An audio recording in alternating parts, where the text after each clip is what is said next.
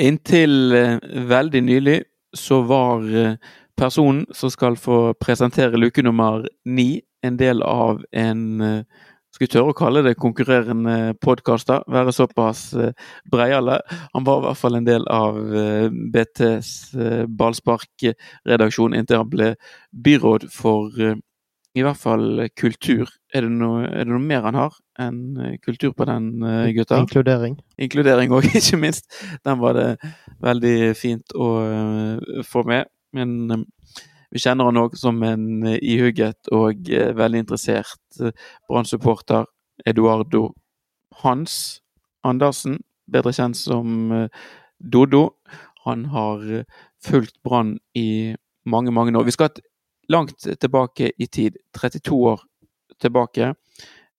En liten greie her er at vi er jo alle sammen faktisk født i det året som historien Dodo skal dras gjennom, finner sted jeg er ikke født uh, når den kampen her blir spilt. Tror jeg kanskje ingen av dere heller var. Men det er faktisk en liten sjanse for at jeg var på stadion, på en måte, uh, allikevel. Det blir jo langt uh, å dra det litt uh, langt, men jeg tror mine foreldre var på kampen som Dodo skal dra oss gjennom. Men han var det i hvert fall i levende livet.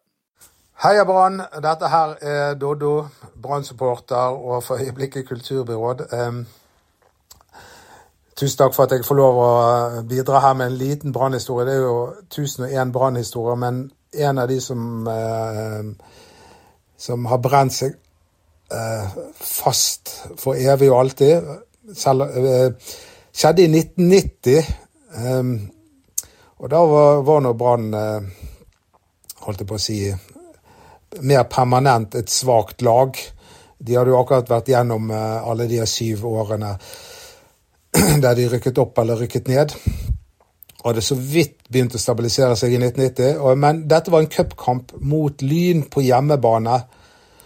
Og eh, Lyn eh, gikk opp til 1-0 og 2-0, og, eh, og det så mørkt ut. Og de jeg sto med på Store Stå, bl.a. min bror, de eh, når det var ti minutter igjen, så gikk de. de var, jeg har følelsen av at halve stadion gikk når det var ti minutter igjen. Det var tross alt 2-0. Og rett før, eh, da, mens det var sånn ca. syv-åtte minutter igjen, så holdt eh, de på å gå opp til 3-0 med Simen Agdestein, som senere skulle bli mest kjent som sjakkmester. Det er en helt annen historie.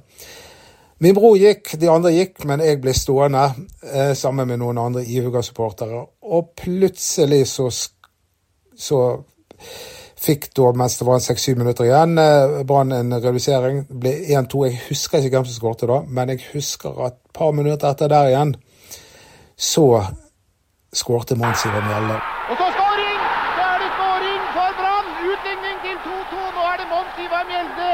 Det var i siste liten det at vi fikk med den kontringen, og nå koker det på tribunene her.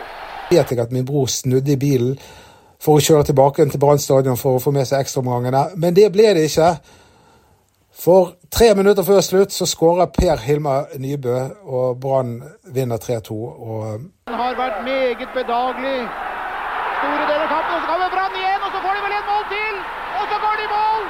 Og Brann er oppe i ledelsen 3-2 idet det står igjen bare ett minutt av kampen.